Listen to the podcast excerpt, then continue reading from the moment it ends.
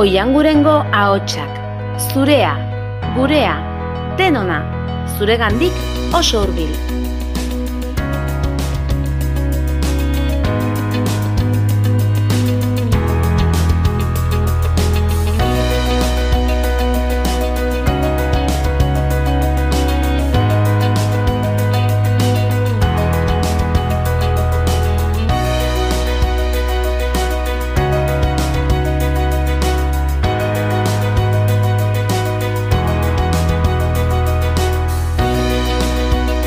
Kaixo, ni nora naiz, eta gaurko egun honetan El Conquistador de TV-biko telesaifa minutuenari buruz zengo dugu.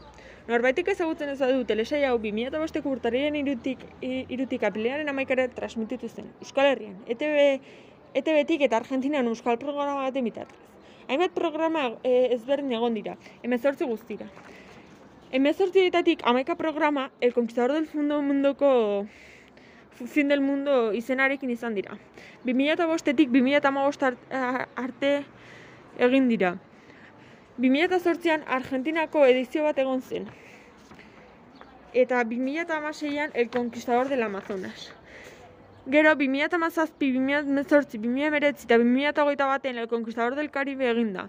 Eta El Conquistador del Pacífico 2019. Julian Jantzi izan da eta da telesai honen aurkezlea. Aurtengo denboraldia hasi da dagoeneko. Hemezortzi pertsona dira, eta hiru taldetan daude banatuta. Ata behin, aita, ata behin esken taldea, talde berdea. Korokote urdinen talde mixtoa, eta azkenik jokajun mutien talde gorria. Hogeita mairu pertsona hauek, Karibeko haiti xirletan daude, eta egunero immunitate froga bat egiten dute. Eta horrela jakin dezakete nora den talde bakoitza. Hiru kanpamendu desberdin daude. Aberatsa, pobrea eta oso pobrea. Aberatsan hoiak dituzte janaria eta sua. Pobrean ez dute ezer. Ura bakarrik. E, oianaren erdian daude. Eta ura ez da oso freskoa. E, bitxoz beteta egoten dira. Lo egiteko lur, e, lurrean egin behar dute lo, edo esterinen gainean.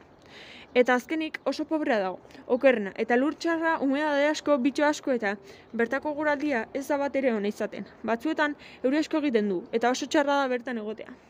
Azkenan geratzen den taldea asamblea batera joaten da, eta gero taldeak aukeratutako bat eta kapitainak aukeratzen beste bat, de, e, duelo batean bata besteren aurka jolasten dute. Galtzen duena etxera joaten da, eta horrela behin eta berriz. Momentu batean bi taldeak banatu egiten, bi taldeetan banatzen dira, eta gero individualki jolasten dute. Bost pertsona iristen dira individual, individualki jolastera, eta horietako batek bakarrik irazten du. Kapituluak astelenean emititzen dira ETV-bin, eta asteazkenetan debate bat egiten da. Astelenean ikusitako ikusitakoa komentatzeko, eta astelenean etxera joan zenarekin hitz egiteko. Espero dut ondo ulertu izana, eta beste bat arte. Agur!